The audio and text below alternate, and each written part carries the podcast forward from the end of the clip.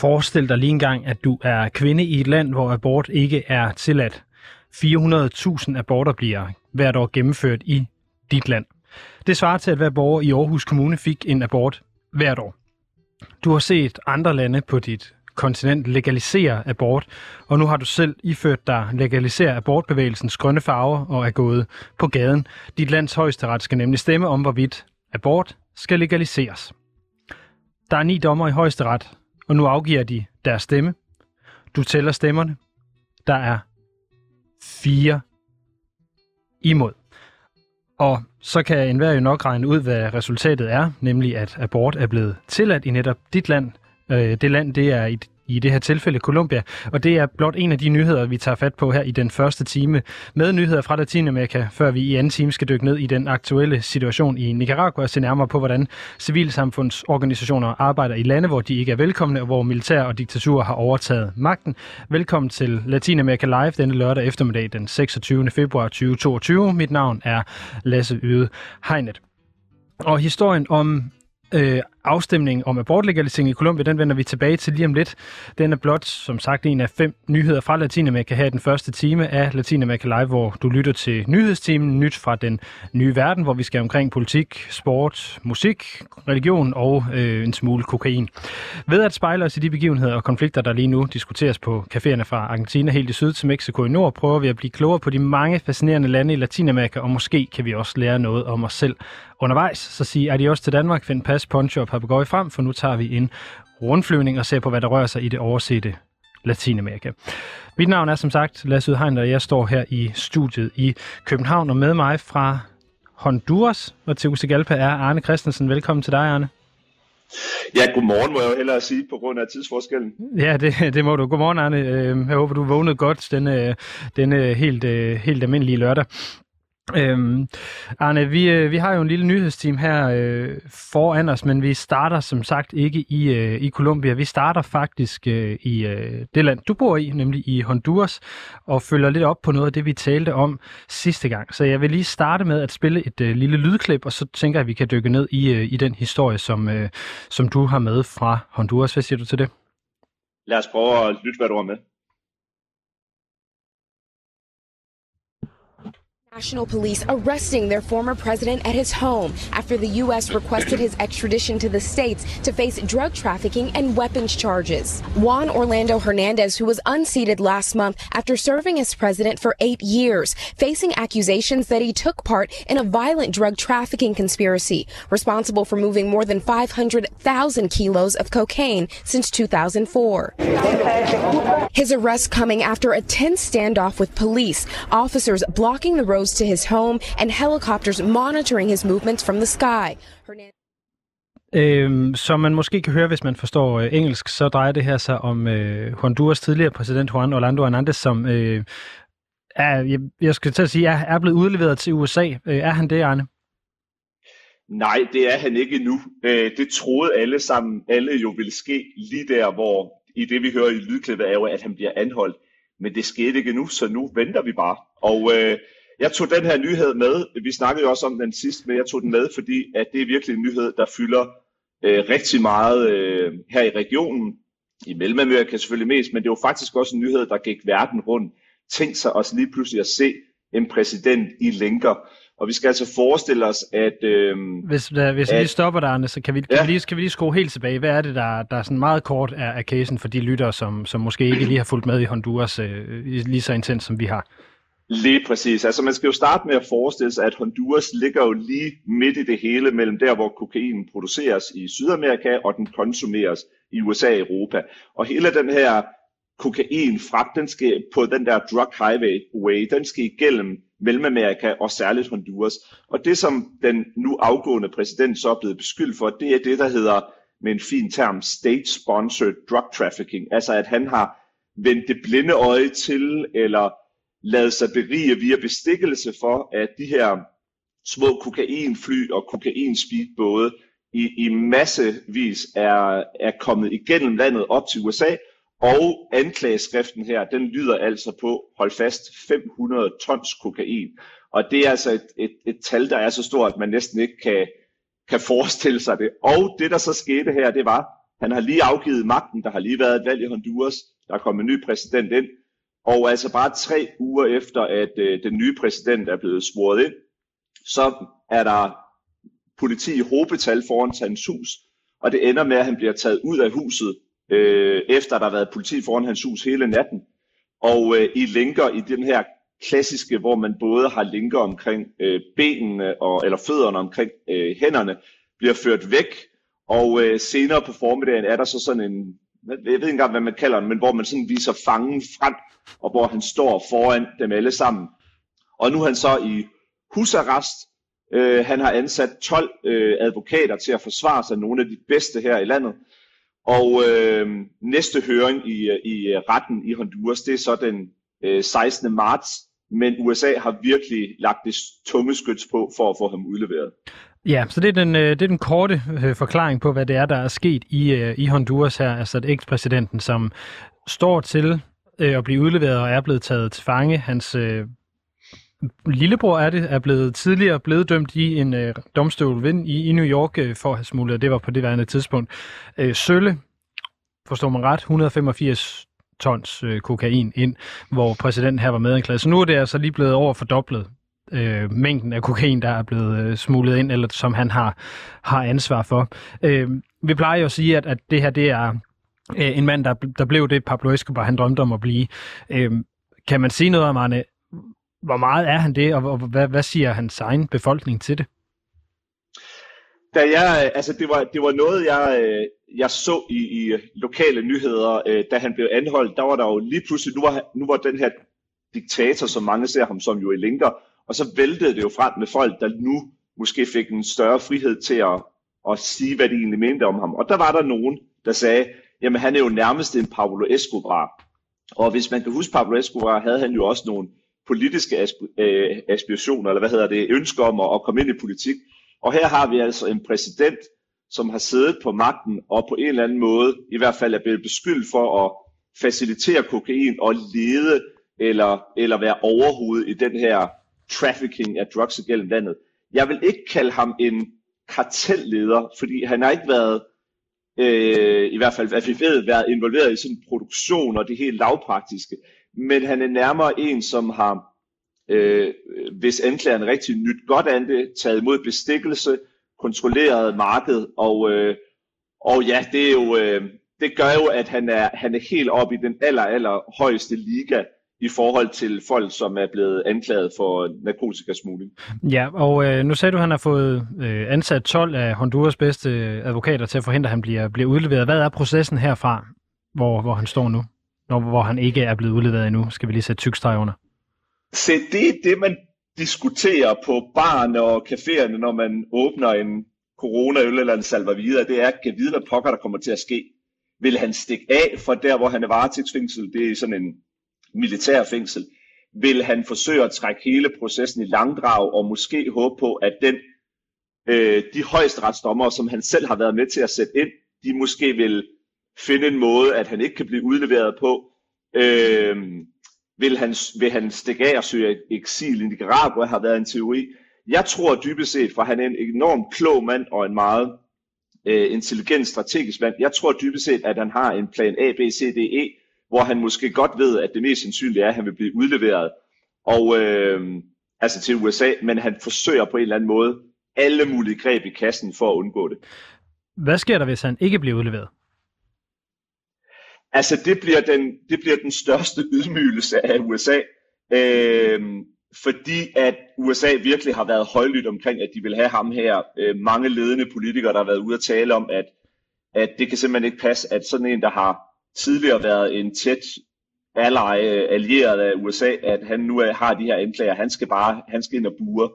Og derfor vil det være en kæmpe ydmygelse. Og man kan også sige, når man snakker om hele den her war on drugs, så kan man jo også sige, hvis en præsident har været med til at facilitere, at 500 tons kokain siden 2004 er kommet ind i USA, så har USA jo ikke ligefrem lykkedes i at bremse den her kokainimport. Så det viser jo også noget omkring, hvordan den her war on drugs egentlig ikke øh, virker, og faktisk altså ikke lykkes i det, den, den forsøger at gøre. Altså det her det er jo sådan lidt en, en fortænkt ting, men altså jeg regner med, at vi ser en øh, uh, Netflix-udgave øh, uh, af det her på et tidspunkt, der kommer til at hedde Narcos uh, Honduras. Uh, fordi 500 tons kokain er uh, virkelig meget.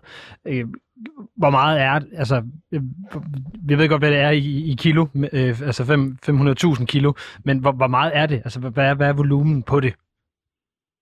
Altså, øh, øh, det er jo ingen hemmelighed, at dig og mig, vi har skrevet lidt frem og tilbage om, hvor vi har prøvet at, at sige, hvordan kan vi egentlig visualisere, hvor meget 500 tons er. Øh, altså det første, man kunne sige, hvis jeg skulle komme med en, det er, at så vidt jeg ved, så den største kokainfangst i, i Danmarks historien, den er på en 300-400 kilo, altså hvor dansk politi har konfiskeret det, 300-400 kilo. Her snakker vi 500.000 tons.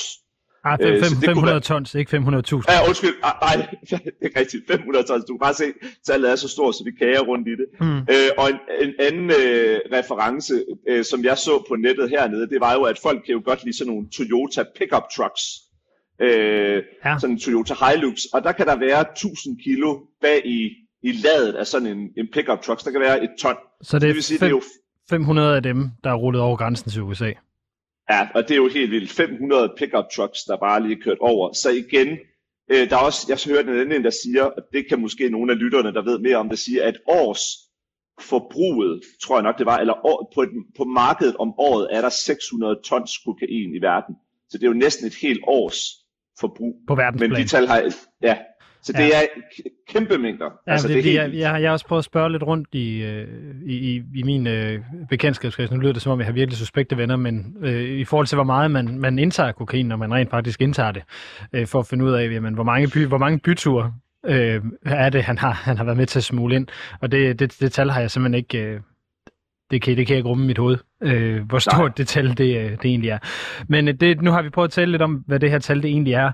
Øh, jeg skal lige prøve at, at, at, at høre, øh, fordi du har, du har fortalt mig en, en virkelig morsom ting, og det er, at hans kone har anmeldt den her anholdelse øh, til hvad hedder det, den honduranske hvad det, menneskerettighedskommission, fordi at det skulle ja. være brud på menneskerettighederne, at han er blevet anholdt. Det er tydeligt, at, øh, at Juan Orlando og alle hans advokater og hans, hans øh, venner har planlagt det her. De ved godt, hvad der vil ske. Og det vil sige, at meget få dage efter, der så vi, at hans kone var nede og lave en anmeldelse af den til den, det er sådan en slags ombudsmand, om at øh, anholdelsen var alt for voldsom. Han blev eksponeret, der var unødig brug af vold osv. osv., og at hans menneskerettigheder skulle respekteres. Og samtidig så var der fakkeloptog og, og, og bøn og så videre ude foran det her militære øh, fængsel, hvor han var. Så, så der, er, der er en kampagne i gang, hvor man ligesom forsøger at, at, at portrættere ham som offeret, som har gjort så meget godt, og nu er der bare nogen, det er jo hans eget forsvar, nu er der nogle kartelledere, som han har fået ind og buer, som nu vil have hævn over ham, og de vidner falsk mod ham op i USA. Så det her det er en sag, som jeg tror, vi kommer til at følge, også fordi den betyder så skide meget også for USA's øh, udenrigspolitik i, i det her område. Ja, og det, det, var lige, det var lige det sidste, jeg nemlig ville, ville spørge ind til, inden vi, vi skal videre til den næste nyhed. Det er nemlig det her rygte om, at, øh, at de her DEA, altså Drug Enforcement Agency øh, folk fra USA, de skulle være landet i Honduras sammen med udenrigs, øh, hvad hedder det, nej, vicepræsident øh, Kamala Harris til øh, den, den øh, eller præsidentindsættelsen her for en tre uger siden. Er det korrekt? Ja, det, øh, det er i hvert fald det, som alle, eller rigtig mange medier herover skriver. Altså, den 27. januar, der er der indsættelse af den nye præsident. Kamala Harris kommer ned. Det er meget stort, at en vicepræsident kommer ned til sin præsidentindsættelse. Det viser også bare, hvor strategisk regionen er. Og der forlyder rygterne simpelthen, at nogle af de her store armerede biler, som de plejer at have, og nogle af de her DEA, Drug Enforcement Agency agenter, de var med på vej ned. Nogle af dem er her nok allerede. Og de har så siden den 27. januar og frem til, at han blev anholdt, altså observeret hans hus, i fald han ville ønske at flygte. Og det, jeg kan også sige lidt, fordi at jeg har en meget god bekendt, som bor i den samme bydel, som, og hun er for øvrigt også en meget hederlig kvinde, som bor i den samme bydel, og hun kunne i hvert fald også sige, at, at det startede allerede med suspekt aktivitet der øh, efter indsættelsen den 27. januar. Så lad os øh, hoppe videre til, øh, til den næste nyhed. Det var den, vi teasede for helt til at starte med, nemlig at Colombia de har legaliseret øh, abort øh, op til 24. uge for, øh, for alle øh, kvinder. Og jeg kan jo bare lige sige, at der var masser af mennesker på gaden i, i Bogotá. Det lød cirka sådan her, da, da loven den blev, øh, blev vedtaget.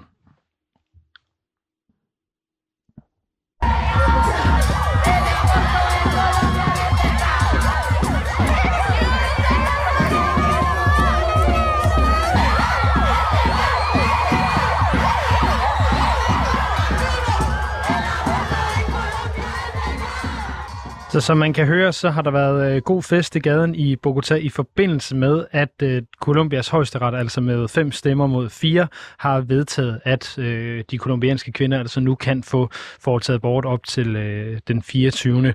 uge i graviditeten. Og det er en øh, stor sejr for øh, hvad kan man sige, kvinders rettigheder i Colombia, kvinders ret til, øh, til deres egen krop, som jeg nævnte helt oppe i introen øh, til den her program, så bliver der altså hvert år foretaget 400.000 aborter i Colombia. Og det skal jo lige siges, fordi det her det er jo selvfølgelig et, øh, et, et, øh, et, et spørgsmål om, hvornår noget har været legalt. Fordi tidligere har det været legalt at få en abort, hvis det har været øh, til fare for, for, for morens øh, fysiske liv. Øh, så det vil sige, at cirka 10% af de her 400.000 aborter har været foretaget legalt, men det er jo så 360.000, der er blevet foretaget illegalt, og det er altså det meget, meget store tal øh, af kvinder, som nu får mulighed for at, at være øh, mere frie og har større ret til, til, deres, øh, til deres egen krop.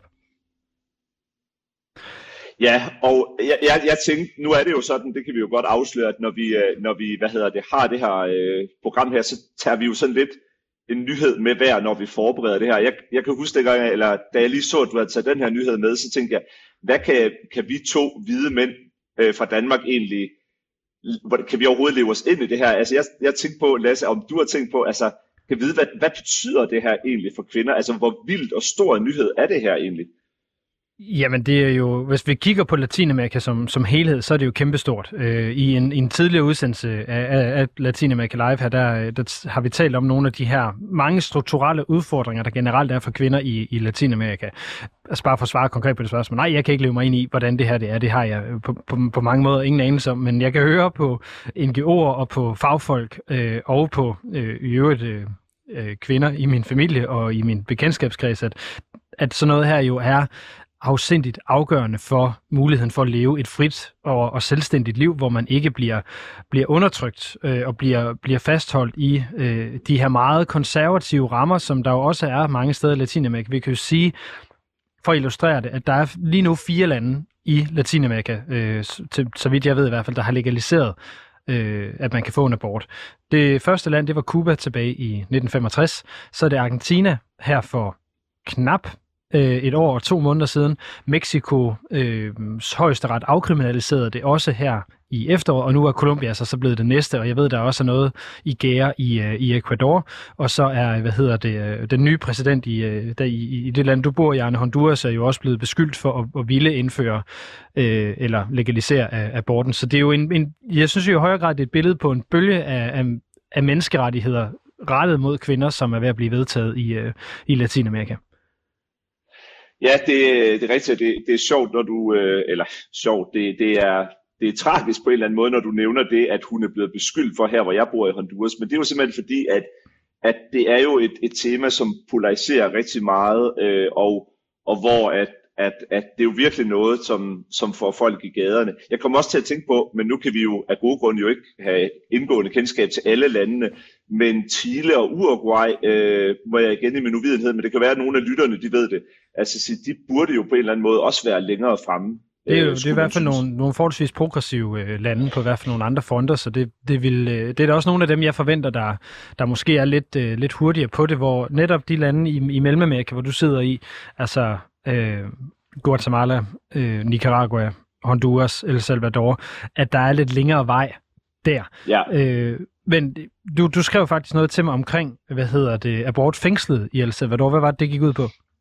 Ja, det er der. Altså, nu er det jo, El Salvador er jo det her lille bitte land, der, lig, der, der også ligger i Mellemamerika, naboland til Honduras, og øh, det har tit trukket overskrifter over de sidste 10 år, 15 år eller længere, at øh, der er nogle kvinder, der er blevet fængslet, øh, fordi at de er kommet ind på et offentligt hospital, øh, har haft nogle komplikationer med deres fødsel. Måske er aborten gået i gang, måske har de et allerede dødfødt barn, eller alle mulige scenarier, og hvor de så er blevet anmeldt øh, for at have provokeret aborten eller slået barnet ihjel, og, øh, og er så blevet fængslet. Og det der så, det er jo altså helt, øh, altså det er jo helt vildt at, at, at prøve at forestille sig, at det er sådan en realitet. Men hvis man tager et positivt syn på det, så er der faktisk sket det, at der er en bevægelse lige nu, hvor at man begynder at se øh, øh, øh frugterne af den her indsats, som kvindeorganisationer har gjort gennem mange år, hvor der faktisk er en del kvinder, der er blevet øh, frikendt eller, eller sat fri igen fra fængsel over de sidste to-tre år. Øh, faktisk, øh, øh jeg mener, at der var på et tidspunkt, hvor man sådan snakkede om, at der var cirka en, en, øh, en 17, 17 personer for et par år siden, der sad inde, og der er en del af dem, der er kommet ud. Jeg snakkede faktisk med en, en, en, en leder af den her kvindebevægelse for ikke ret lang tid siden, som har været med til at få 63 kvinder ud af fængslerne, som, som er endt der. Så man kunne også sige der, selvom at det er tragisk, at nogen stadigvæk sidder der, at der måske også der i El Salvador, som er så konservativ, måske er en eller anden bølge i gang, som låner lidt for nogle af de andre lande. Ja, det, øh, det er jo noget af det, man også hørte fra, fra Mexico blandt andet, at, øh, at nogle af de her hvad kan man sige, her bliver, bliver, bliver frikendt. Øh, eller ikke frikendt, men, men kommer, kommer ud igen. Øh, en anden ting, der egentlig også har, har undret mig lidt, eller ikke undret mig øh, som sådan, men som, som jeg også har hørt lidt om, det er jo, hvad kan man sige, forebyggelsen af, af graviditeter, fordi sådan noget som fortrydelsespiller og, og lignende, altså det er der jo selvfølgelig et sort marked for. Øh, har du noget kendskab til, hvordan de, de markeder de egentlig øh, fungerer? Altså nu går jeg ikke ud for, at du har brug for fortrydelsespiller, men... Altså det var, jeg, jeg tænkte faktisk, øh, og det er jo, der må jeg jo krybe til korset igen, altså som mand og, og så videre. Nogle gange eller det er ikke en undskyldning, men så, jeg vil ikke påstå, at det var, det var et tema, som jeg har fuldt så tæt og vidst så meget om. Men jeg gjorde øh, faktisk det, at jeg ringede til en 6-7 gode veninder her i Honduras og sagde, hvad, hvis du selv har haft brug for en fortrydelsespille, øh, ring, jeg snakkede også med, med dem i El Salvador, hvad, eller, eller hvad, hvad gør man egentlig? Og det der er i det, det er, at fortrydelsespillen, eller øh, dagen derpå pillen, som de kalder den herover, den er, den er man kan godt købe den på et apotek i El Salvador, men den er ulovlig i Honduras. Men alle ved, hvilke apoteker, der sælger den alligevel, og man kan godt få den. Og så er der jo det med, at man Hvad koster kan, den? Har... Undskyld. Ved du det? Det ved, jeg faktisk, det ved jeg faktisk ikke, men det jeg ved, det er dog, at fordi at de bliver solgt øh, fordækt, i hvert fald i Honduras, så presser det priserne op, og det gør så igen, at man kan sige, at alle, der er middelklasser og opad, og i de store byer, kan sagtens købe de her produkter, mens at, at øh, hvis man er ude på landet, og, og man ikke har ret mange penge, jamen, så er det sværere at komme i nærheden af. Så... Og så er der jo så også... Jamen, det er... Ja, så vil jeg lige sige... Ja, kør, undskyld, kør. jeg vil lige sige... ja, undskyld. Jeg vil lige sige, så er der jo også de her øh, abortpiller. Altså, nogen har måske stadigvæk det her billede inde i hovedet med, med strikkepinde og, og, øh, og hemmelige klinikker osv., men det der også sker, det er jo, at man kan købe nogle piller, som sætter aborten i gang inden for øh, de første uger. Og de er, u, øh, altså de, øh, er også ulovlige, eller, eller der er restriktioner på, hvor, hvor let man kan komme øh, for fat i dem. Men de kvinder, jeg snakkede med, sagde også, vi ved, hvem vi skal spørge, hvis vi skal have dem. Så man kan sige, øh, det er dårligt, der er et sort marked. Det er dårligt, at, at kvinder bliver kriminaliseret. Men samtidig så øh, at fungere Honduras i den her fuldstændig parallelle, eller Honduras og Mellemamerika, den her parallelle verden, hvor at, at øh, man kan godt få fat i produkterne alligevel, og jeg har også snakket med nogle politikere, som, hvor, de, altså, hvor de privat, når mikrofonen ikke kører, selv kan fortælle historier om fra deres eget liv, eller at, at de egentlig synes, at abort er okay, men når de så kommer ind og skal stemme om det, så fordi de ved, at det er et kontroversielt tema, så stemmer de imod. Mm. Men det er jo det, jeg vil sige før, da, da jeg var ved at afbryde, eller da vi prøvede at afbryde hinanden, det var, at, øh, hvad hedder det, det er jo netop, som du sagde, er et billede på, at abort øh, eller muligheden for at få en abort jo, og øh, allerede før det er blevet legaliseret, er med til at, at skille øh, landene ad i, i øvre, i overklasse og underklasse, og på den måde med til at fastholde en, en, en stor social ulighed. Så på den måde er den her legalisering, som nu altså er kommet til Colombia, en, en meget vigtigt, et meget vigtigt skridt for at komme uligheden i, øh, i Colombia til, øh, til livs. Og så skal vi videre til, øh, til den næste nyhed. Vi, øh, vi kan selvfølgelig heller ikke øh, undgå at tale en lille bitte smule om øh, Rusland i det her, fordi Latinamerika er jo ikke en lille lukket boks, der kun forholder sig til sig selv. Der er utrolig mange interessenter på spil i Latinamerika. Vi har allerede hørt om USA, der øh, gerne vil, have, øh, vil prøve at få udleveret en Honduras tidligere præsident. Kina har også, øh, har fortalt vi sidste gang, vi kørte nyheder fra den nye verden, har foræret El Salvador et nyt nationalt fodboldstadion. Og nu er der altså flere latinamerikanske lande, der har været ude og støtte øh, Putin og Rusland i, den, øh, i deres krig mod Ukraine. Det drejer sig blandt andet om, øh, kan vi sige, big surprise, Cuba, Nicaragua og Venezuela blandt andet. Altså nogle af de mest øh, diktatoriske stater i, øh, i Latinamerika. Arne, er du overrasket over, at det netop er de lande, der støtter Putin? Øh, nej, det er jeg det er ikke. Altså, øh, men det er jo de fleste, der følger regionen, ved jo godt, at Nicaragua, Cuba, Venezuela og, og, og Rusland øh, har forskellige øh, tætte bånd. Men det, som, som jeg synes nogle gange er blevet lidt mit mantra, det er, at den her højre-venstre diskussion, som man ofte har i Latinamerika, den også kan ende med at blive sådan lidt, øh, lidt skinger, eller lidt sådan, øh, øh, ikke, ikke altid helt retvisende, fordi du kan altid finde eksempler på på, øh, på ting, der modsiger det. For eksempel Chile har været ude, og, og altså den nye, øh, lidt mere, mere progressive, venstreorienterede, har været ude og, og stærkt fordømme, øh, hvad hedder det, Ruslands øh, øh invasion. Mens så har du øh, præsidenten op i Mexico, øh, AMLO, som bruger sådan nogle lidt mere vage formuleringer med, at vi er jo ikke for, øh, vi er jo ikke for vold, og vi er ikke for krig osv., men ikke har det, den her retorik, hvor man, hvor man fordømmer Øh, omvendt så kan man sige, at Colombia, som er en tæt allieret af USA, er stærkt ude at fordømme Rusland. Så, øh, så naturligvis er der nogle, nogle klare mønstre mellem de hvad kan man sige, yderst højorienterede, og yderst venstreorienterede, men der er også en stor grå masse, hvor man kunne sige i går så en heldigvis ser, at man ikke altid bliver styret af de her helt skarpe øh, højre-venstre øh, ting. Og så er der også lande, der er lidt i splid med sig selv. For eksempel Bolsonaro, som, som nogle gange har har virket til, at han har et, i hvert fald er på talefod med Putin, øh, men hvor at så øh, regeringen kommer ud og, og, og beklager og fordømmer det, der, der er ved at ske. Så det er sådan lidt et rodet ting, og så kan man selvfølgelig sige, hvorfor skal vi overhovedet snakke om, hvad Latinamerika mener om den her aktuelle krig? Men det er jo så også, fordi jeg fandt et meget interessant øh, klip fra en af Bidens øh, meget tætte rådgiver, øh, Juan González, som er øh, Øh, rådgiver i forhold til hele the Western Hemisphere, altså hele Latinamerika og Karibien, som jo siger, de her sanktioner, der kommer mod øh, Rusland, kommer jo alt andet lige også til at berøre Venezuela, Nicaragua og Cuba økonomisk, fordi de er primært økonomiske øh, samarbejdspartnere. Så det er jo også noget, man skal tænke på, at det får en betydning herover. Øh, så det var derfor, jeg tænkte, at den her nyhed den var interessant at tage med.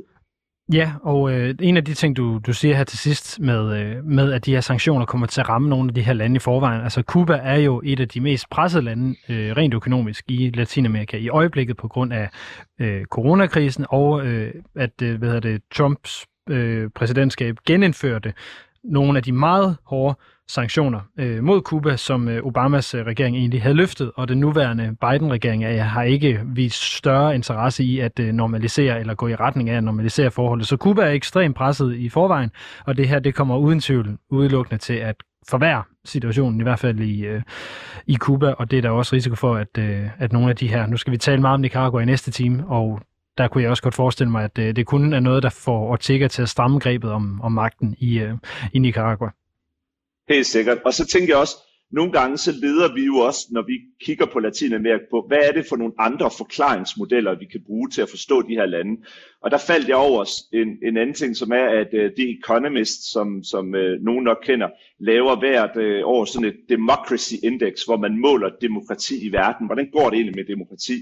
Og der går Latinamerika faktisk for, for sjette gang i træk nu øh, baglæns. Altså det går faktisk dårligere for demokratiet. Det er så på målinger fra, fra 2021, fordi der er jo sket nogle, der har været nogle gode demokratiske valg, som jo så forhåbentlig kunne vende bøtten og vende udviklingen. Men faktisk så har der været en tendens over seks år med mindre demokrati, det vil sige mere autoritære styre, øh, mindre ytringsfrihed, mindre civic space for, for civilsamfundsorganisationer, mindre politisk debat, mere polarisering.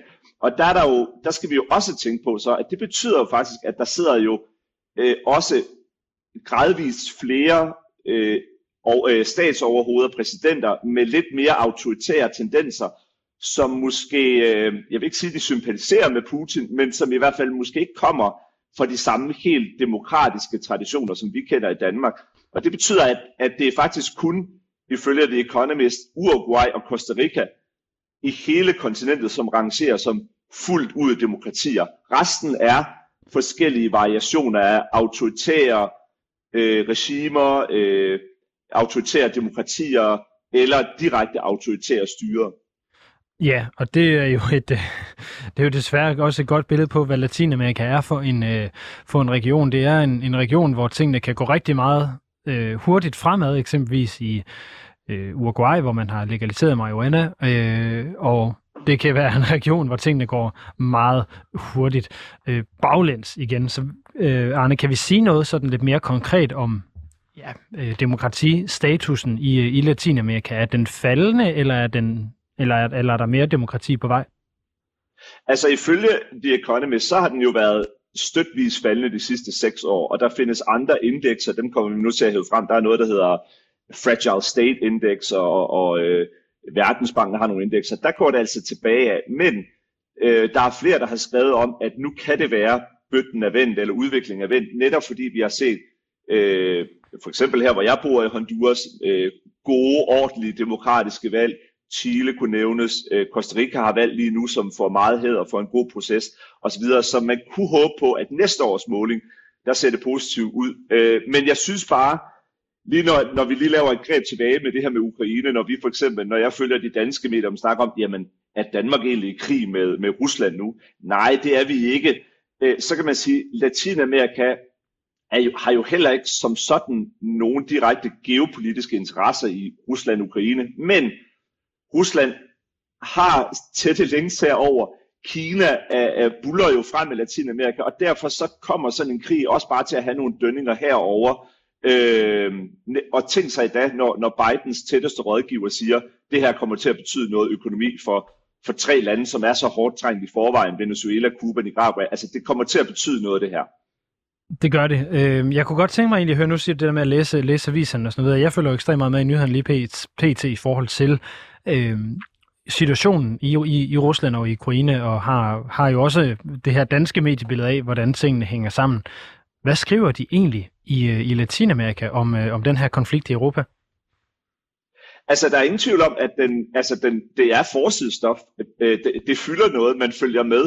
Øh, at det, det er i aviserne. Øh, nu, øh, folk, der har rejst meget i Latinamerika, kan vi vide, at øh, den her app, der hedder WhatsApp, det er sådan den, den primære kommunikationsform, man har. Man er med i forskellige WhatsApp-grupper omkring politik og øh, sin fodboldklub osv. Og de WhatsApp-grupper, jeg er med i på tværs af regionen, hvor man diskuterer politik, der bliver der delt videoer og, og øh, øh, hvad gør Putin, hvad gør Ukraine, og noget, som jeg stusser stusset lidt over, som, som er meget anderledes her, det er, hvor at vi måske i Danmark har et mediebillede, hvor man meget vil skærme øh, brugerne øh, for, for vold, altså man viser ikke eksplicit vold, så dukker der masser af videoer op i, mit, i mine WhatsApp-grupper, hvor man simpelthen ser altså meget, meget eksplicit vold af øh, lige øh, af soldater, der ligger øh, ud af kampvognen øh, og, og øh, med ild i, eller, eller sådan forkullet lige og sådan nogle ting. Altså man har et andet forhold til, at meget eksplicit content, øh, det bliver simpelthen delt meget mere hæftigt, end, end man er vant til det, vil jeg mene, i Danmark. Det er jo et, øh, et godt billede på også, at Latinamerika er en verdensdel, som har et lidt andet forhold til vold øh, og til liv, end, øh, end vi har herhjemme. Men øh, lad os prøve at, øh, at hoppe videre. Vi har nemlig to nyheder mere, vi skal, øh, vi skal igennem. Den fjerde nyhed i dagens udgave er nyt fra den øh, nye verden, som Latinamerika jo på alle måder er. Det er jo det, som Columbus fandt som det allerførste. Det var Latinamerika. En af de øer, han også fandt ret tidligt, det var en ø, der hedder Puerto Rico. Puerto Rico, de er fantastisk gode til at lave eller øh, uddanne musikere. Øh, der er i hvert fald rigtig mange af de store øh, musikere i Latinamerika og i USA, som egentlig har puertorikanske rødder. Og nu, øh, nu lader det altså simpelthen til, at der er gået et lys op for en af de her øh, musikere. Øh, Puerto Rico er nemlig også udgangspunkt øh, for den her genre, som er blevet ret stor inden for de seneste 10 år, altså reggaeton. Og øh, reggaeton-kunstneren øh, Faruko, han, øh, ja, hvordan skal man sige det, han har simpelthen fundet Gud. Øh, han har, hvad hedder det, vil sige, rappet øh, om, øh, hvad hedder det, øh, i et af sine numre, der hedder Pepas, om øh, at tage øh, stoffer og om at score damer og tage til fest. Og nu er det simpelthen sket det, at han til en koncert i Miami simpelthen stillede sig op og nægtede at, at synge det her omkvæd, og øh, i øvrigt holdt noget, der mindede om en prædiken for sine fans, som er dybt, dybt, dybt, øh, hvad hedder det, forvirret over det og frustreret, øh, og hvad hedder det, det lader også, at han er selv altså klar over situationen, at det har været mærkeligt, at han faktisk har tilbudt dem at betale pengene. Øh, Øh, tilbage. Øh, Arne, hvad, øh, hvad har du hørt om det her meget, meget øh, mærkværdige øh, udvikling inden for, for, for Farokus øh, karriere? Altså, man kan, jo, man kan jo starte med at sige, at øh, altså, hvis man ikke, hvis for dem, der måske ikke kender latinamerikansk øh, musikkultur, hvis du er inde på et hotel, og du tænder fjernsynet, så er der de første øh, 5-10 MTV-agtige musikkanaler, hvis du ser nogle af de hits, øh, eller de numre på YouTube, der har flest hits, så er det øh, ofte latinamerikanske. Mange kan jo huske Despacito med Luis Fonsi, som er vist stadigvæk det nummer med flest hits. Og når så en af dem med og til Louis, allerflest... Da, Louis, ja. Luis Fonsi og Daddy Yankee er jo også fra Puerto Rico. De synger også om Puerto Rico, Puerto Rico i, i Despacito, som blev... Ja, mener stadigvæk, det er et af de, de mest lyttede eller sete klip på YouTube. Never mind, sorry, det var bare lige et, øh, et, et, et indskud. Præcis så skal man jo forestille sig, at når så lige pludselig en af de aller, aller mest kendte top 10 kunstnere inden for et helt kontinent, som synger på samme sprog, lige pludselig går ud og siger, jeg har haft øh, noget tomhed i mit hjerte, jeg har, jeg har følt, at det her liv med stoffer og overhalingsbanen og dyrebiler, det har ikke fyldt mig. Jeg har fundet Gud nu. Øh, så betyder det rigtigt, altså så, så, så så bliver det et kæmpe tema, som bliver debatteret i, i, øh, i alle medier. Og øh, det kan nærmest ikke, altså vi bliver nødt til at opholde os ved, hvor stor det her er. Jeg, jeg tænkte også på at bruge det her eksempel med, at, at hvad hedder det, øh, øh, jeg kan ikke huske, Lasse, så du Super Bowl sidste år, lad du mærke til, hvor meget latinomusik der var der?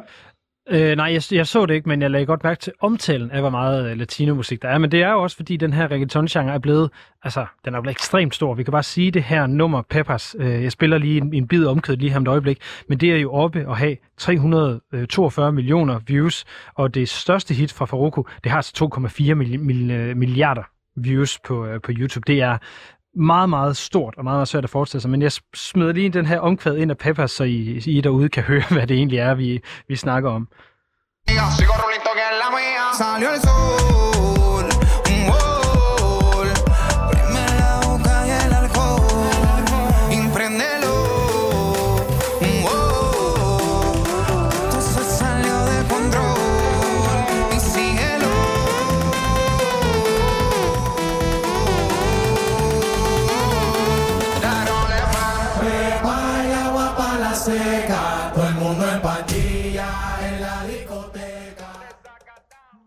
Yes. Altså, jeg ved, ikke, med, jeg ved ikke med dig, Lasse, men det går direkte i blodet. Jeg sidder og rocker her på min stol. Det, det er svært ikke at gøre det. Altså, jeg vil også sige øh, til, til, til dem, der, der lytter med, at noget af det mest underholdende, man kan gøre ved sig selv, det er simpelthen at gå ind og se nogle af de her reggaeton musikvideoer. Jeg har set rigtig mange øh, øh, på Cuba, øh, blandt andet fordi der, der netop er mange af de her musikvideokanaler øh, i virkeligheden, og mange af dem altså, er virkelig sjove, fordi de dyrker den her meget specifikke æstetik, som er en blanding af det her meget farverige øh, og, og kan man sige kropsfrigjorte øh, latino-ting, som vi kender, hvor der er de her gode danse-vibes og farver og øh, ja, det hele er enormt seksualiseret, og så er det så fået det her, øh, den der æstetik, vi også kender fra rapmusikken, der med de store guldkæder, og de øh, mærkelige omvendte kasketter og store, store gutter med tatoveringer, som Faruko her også er. som bliver blandet. Det er en meget underholdende ting at sidde og, og kigge på i det hele taget. Præcis, og så synes jeg jo også, at, at øh, lat- latino popkultur, altså det her med, at han har fundet Gud, jeg var lige inde og se sådan, hvilke andre øh, popmusikere i, i, i Latinamerika har fundet ud, og det er faktisk ret mange, som har en meget åbenlys, øh, øh, hvad hedder det, kristen tro, en meget åbenlys spiritualitet, som jo til sydlandene ikke virker til at være i konflikt med øh, det her meget øh, øh, øh eksplicit seksualitet, øh, øh, øh partykultur osv. Og det er jo igen noget af det her, som er fast, fantastisk eller forunderligt, at det er altså ikke noget problem at kunne synge de her sange og samtidig øh, tale meget om, øh, åbenlyst om, at øh, jeg har brug for Gud i mit liv, og jeg har brug for tilgivelse i mit liv.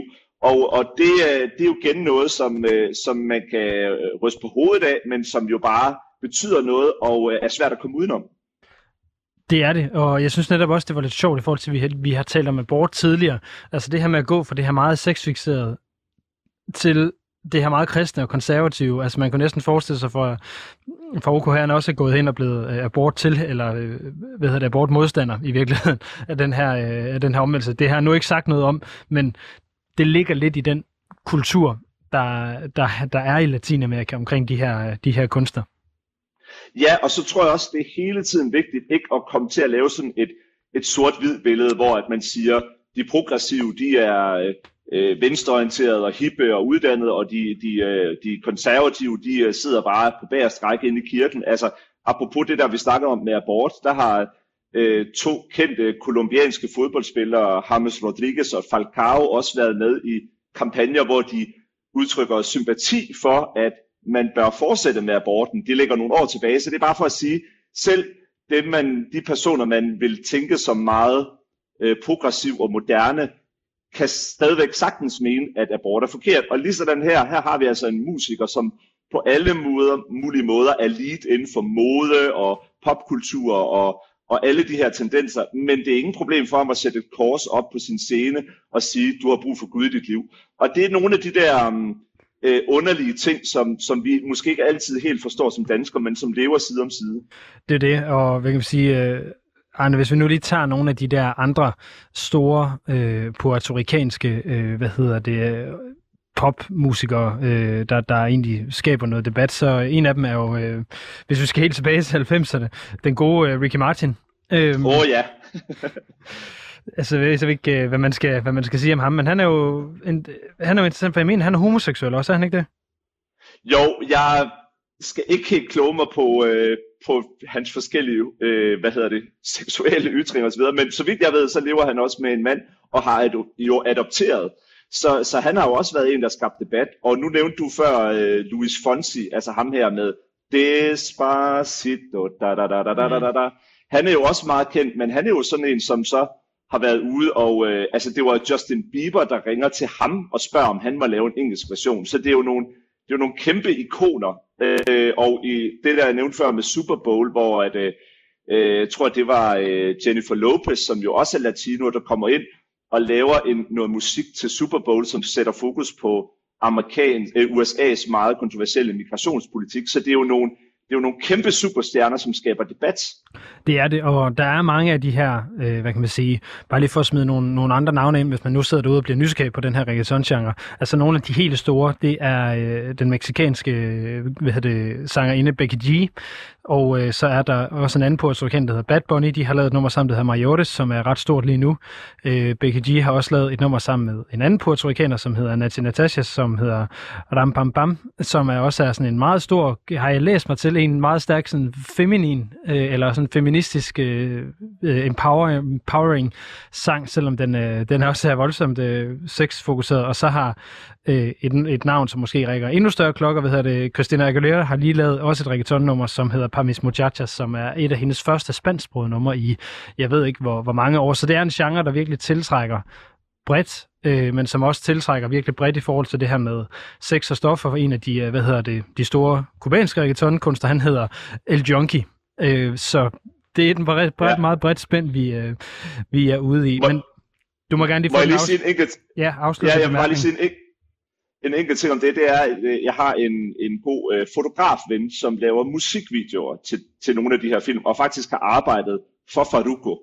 Øh, og øh, jeg kan godt fornemme, nu skal han jo ikke tale dårligt om sin arbejdsgiver og det her fællesskab af, af musikere, men det er meget tydeligt, at, at der har helt sikkert været kokain, og der har måske også været hvidvaskning af penge, der er kommet forskellige steder fra. Så der er ingen tvivl om, at nogle dele af den her industri Øh, har et meget, meget, meget blakket ry. Men omvendt er der jo så også øh, flere, der går ud og bliver rollemodeller osv. Vi kunne også nævne Shakira, der jo er gift med fodboldspilleren øh, Piqué, ja, som hun jo er også er meget stor. Hun har også haft penge i skattely, ja. så jeg vil ikke kalde hende rollemodel, men, men okay. Nej, nej, nej, der kan du bare se, det er, det er svært at...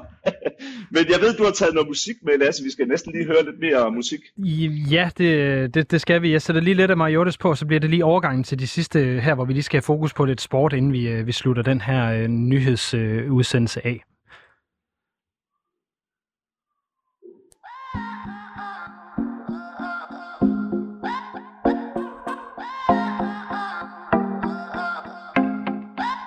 A mí me gusta que me traten como dama, aunque a veces se me olvide cuando estamos en la cama.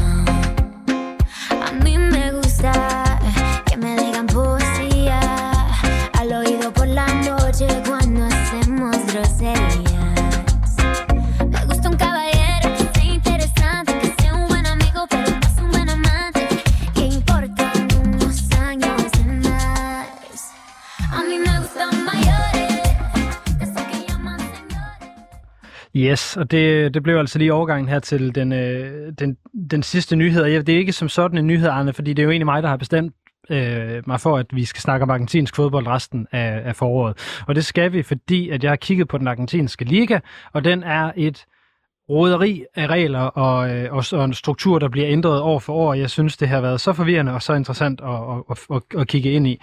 Øh, jeg vil bare lige starte med at høre, Arne, hvilke argentinske fodboldhold kender du?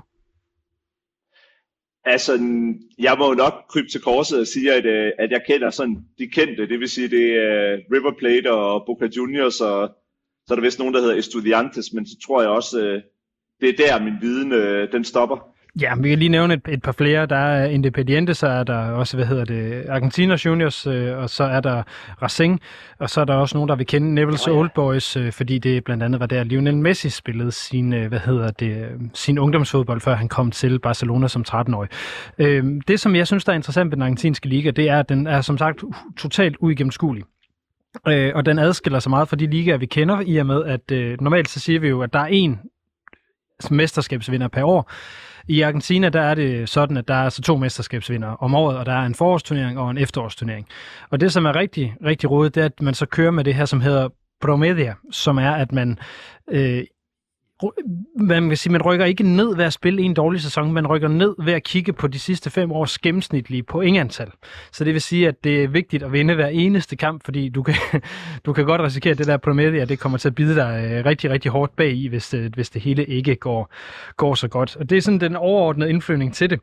Øhm, og som sagt, Arne, så har jeg bestemt mig for, at vi skal følge øh, den her liga lidt. Så lige nu, der, øh, der spiller de altså forårsturneringen. Den startede her for et par uger siden. Øhm, de er lige gået i gang med, øh, med fjerde spillerunde, og øh, det, det er noget, der hedder Copa de la Liga, hvor de er delt ind i to forskellige øh, grupper, og jeg har så valgt, at vi skal følge et, øh, et hold i hver gruppe. Og øh, bare for at introducere dig til dig, Arne, du må meget gerne stille spørgsmål her, øh, sådan så du måske kan, vi kan hjælpe lytterne lidt for ting, jeg har overset. Men det ene hold, vi skal, eller det hold, vi skal følge fra gruppe A, hvor øh, øh, River Plate er, og hvor Racing er, øh, det er det hold, som hedder San Lorenzo, som blandt andet er kendt for, at øh, det er er, er pavens yndlingshold, og hvis vi skal tage det i en lidt mere dansk kontekst, så er det Viggo Mortensens øh, yndlingshold.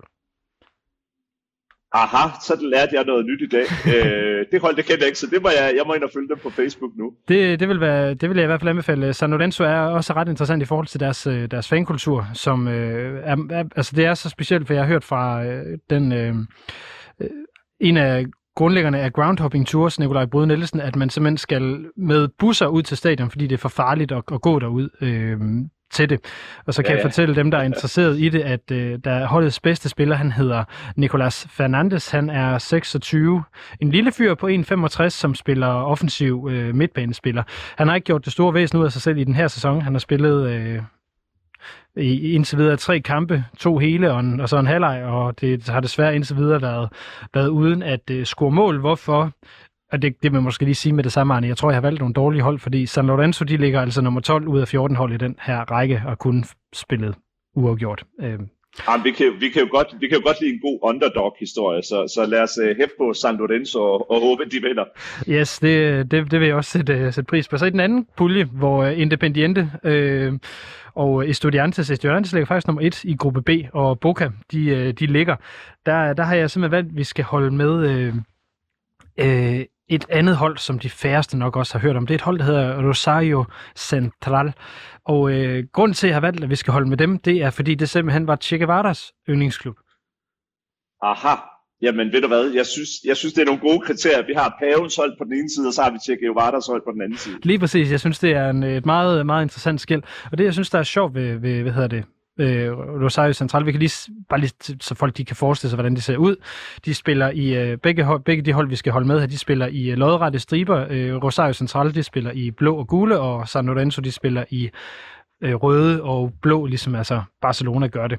Og øh, Rosario Central, de har klaret sig en lille bitte smule bedre indtil øh, til videre. De, øh, de har hentet fire point i, øh, i tre kampe, og øh, ligger altså øh, på en 8. plads, så sådan lige i den gode øh, midte af det hele. Deres, øh, det, jeg synes, der er lidt interessant, det er, at deres bedste spiller, faktisk, det er en, øh, en øh, forsvarsspiller på 25 år, der hedder Juan Comar, som også har, øh, så vidt jeg ved, øh, nej, han har ikke italienske råd, det var en anden af deres øh, spillere, der havde det. Sorry, der blander jeg dem sammen. Øh, så det er, det er to ret, øh, ret interessante hold. Øh, Rosario Central er også øh, hvad hedder, lokalrivalerne til Neville's Old Boys i, øh, i Rosario, altså kendt som det her, hvad hedder det, øh, Derby øh, Rosarino, øh, oppe i Rosario i, øh, i Argentina. Så det er altså de to hold, vi skal prøve at, øh, at følge med. Nu har jeg kyldet en masse jeg... informationer efter dig, Arne. Er du, er du forvirret, eller er der noget, vi skal have uddybet? altså, jeg tænker, jeg er jo... Øh, vi har jo nok begge to en, en, eller det har vi en stor svaghed for fodbold, så vi kan snakke om det længe. Men jeg har helt sikkert et blind spot på argentinsk fodbold. Men hvis jeg skulle tage lytterne lidt i hånden, som måske lige føler sig øh, hvad hedder det, øh, overrasket over, at, øh, at nu vi bliver meget fodboldtekniske, men surprise, surprise, altså fodbold er jo bare number one sport i, i hele Latinamerika. Det er, det er det, man diskuterer, det er det, aviserne er fyldt af, det er det, er det der både samler og deler øh, folk. Øh, populærkultur, nu nævnte jeg før, øh, kendte fodboldspillere, der, der er ude og, og blive brugt i abort. Øh, sidste uge snakkede vi om den, den kendte danske fodboldtræner øh, Thomas Christiansen, der er i Panama. Øh, vi har brasilianske spillere i, i, øh, i dansk fodbold, så, så fodbold er bare svært at komme udenom som, som, øh, som sport selvfølgelig, fordi det betyder så meget. Øh, Argentinas landshold og Brasiliens landshold har vi jo kendt men, men også bare fordi det betyder bare meget i samfundet. Det er jeg næsten sikker på, at du er enig i. Ja, det, det gør det øh, i, i rigtig høj grad, og øh, jeg vil ikke sige særligt i Argentina, fordi det fylder meget i, i, i samfundet i Latinamerika i, i det hele taget. Men nu er det altså den her argentinske liga, fordi den øh, passende netop løber her foråret ud, den her øh, mærkelige forårsturnering i to puljer, øh, så den kommer vi til at følge. Øh, som sagt er vores hold ikke startet super godt ud, så det kan være, at vi, øh, vi bliver nødt til at at skifte øh, undervejs. Øh, men jeg, jeg tænker egentlig også, at vi er, vi er nået til, til vejs ende med den her øh, nyhedstime for, for i dag, Arne. Jamen øh, lad os gøre det, og så kommer jeg lige til at tænke lynhurtigt på, Måske skal vi også en dag fokusere på baseball, fordi baseball er jo også rigtig stor i nogle lande. For eksempel Nicaragua, som du skal snakke om lige, snakke om lige om lidt. Ja, og i Cuba for den sags skyld. Det kunne være, det ja. kunne være ret, uh, ret interessant. Så det, det, det kunne være, at vi skulle finde den frem til en af de, de kommende udsendelser. Arne uh, Christensen, der har været med her fra Tegucigalpa, tusind tak for, at du tog dig tid til at være med i dag. Selv tak. Og så til alle jer, der har øh, lyttet med her i første time. Næste time handler altså om Nicaragua og civilsamfundsorganisationer. Jeg håber, I har blevet klogere på de nyheder, der vi har haft med fra Latinamerika. Hvis I er interesseret, så skriv endelig og spørg. Nu er der øh, nyheder fra Danmark og fra Europa her på 24 /7. Klokken er 5.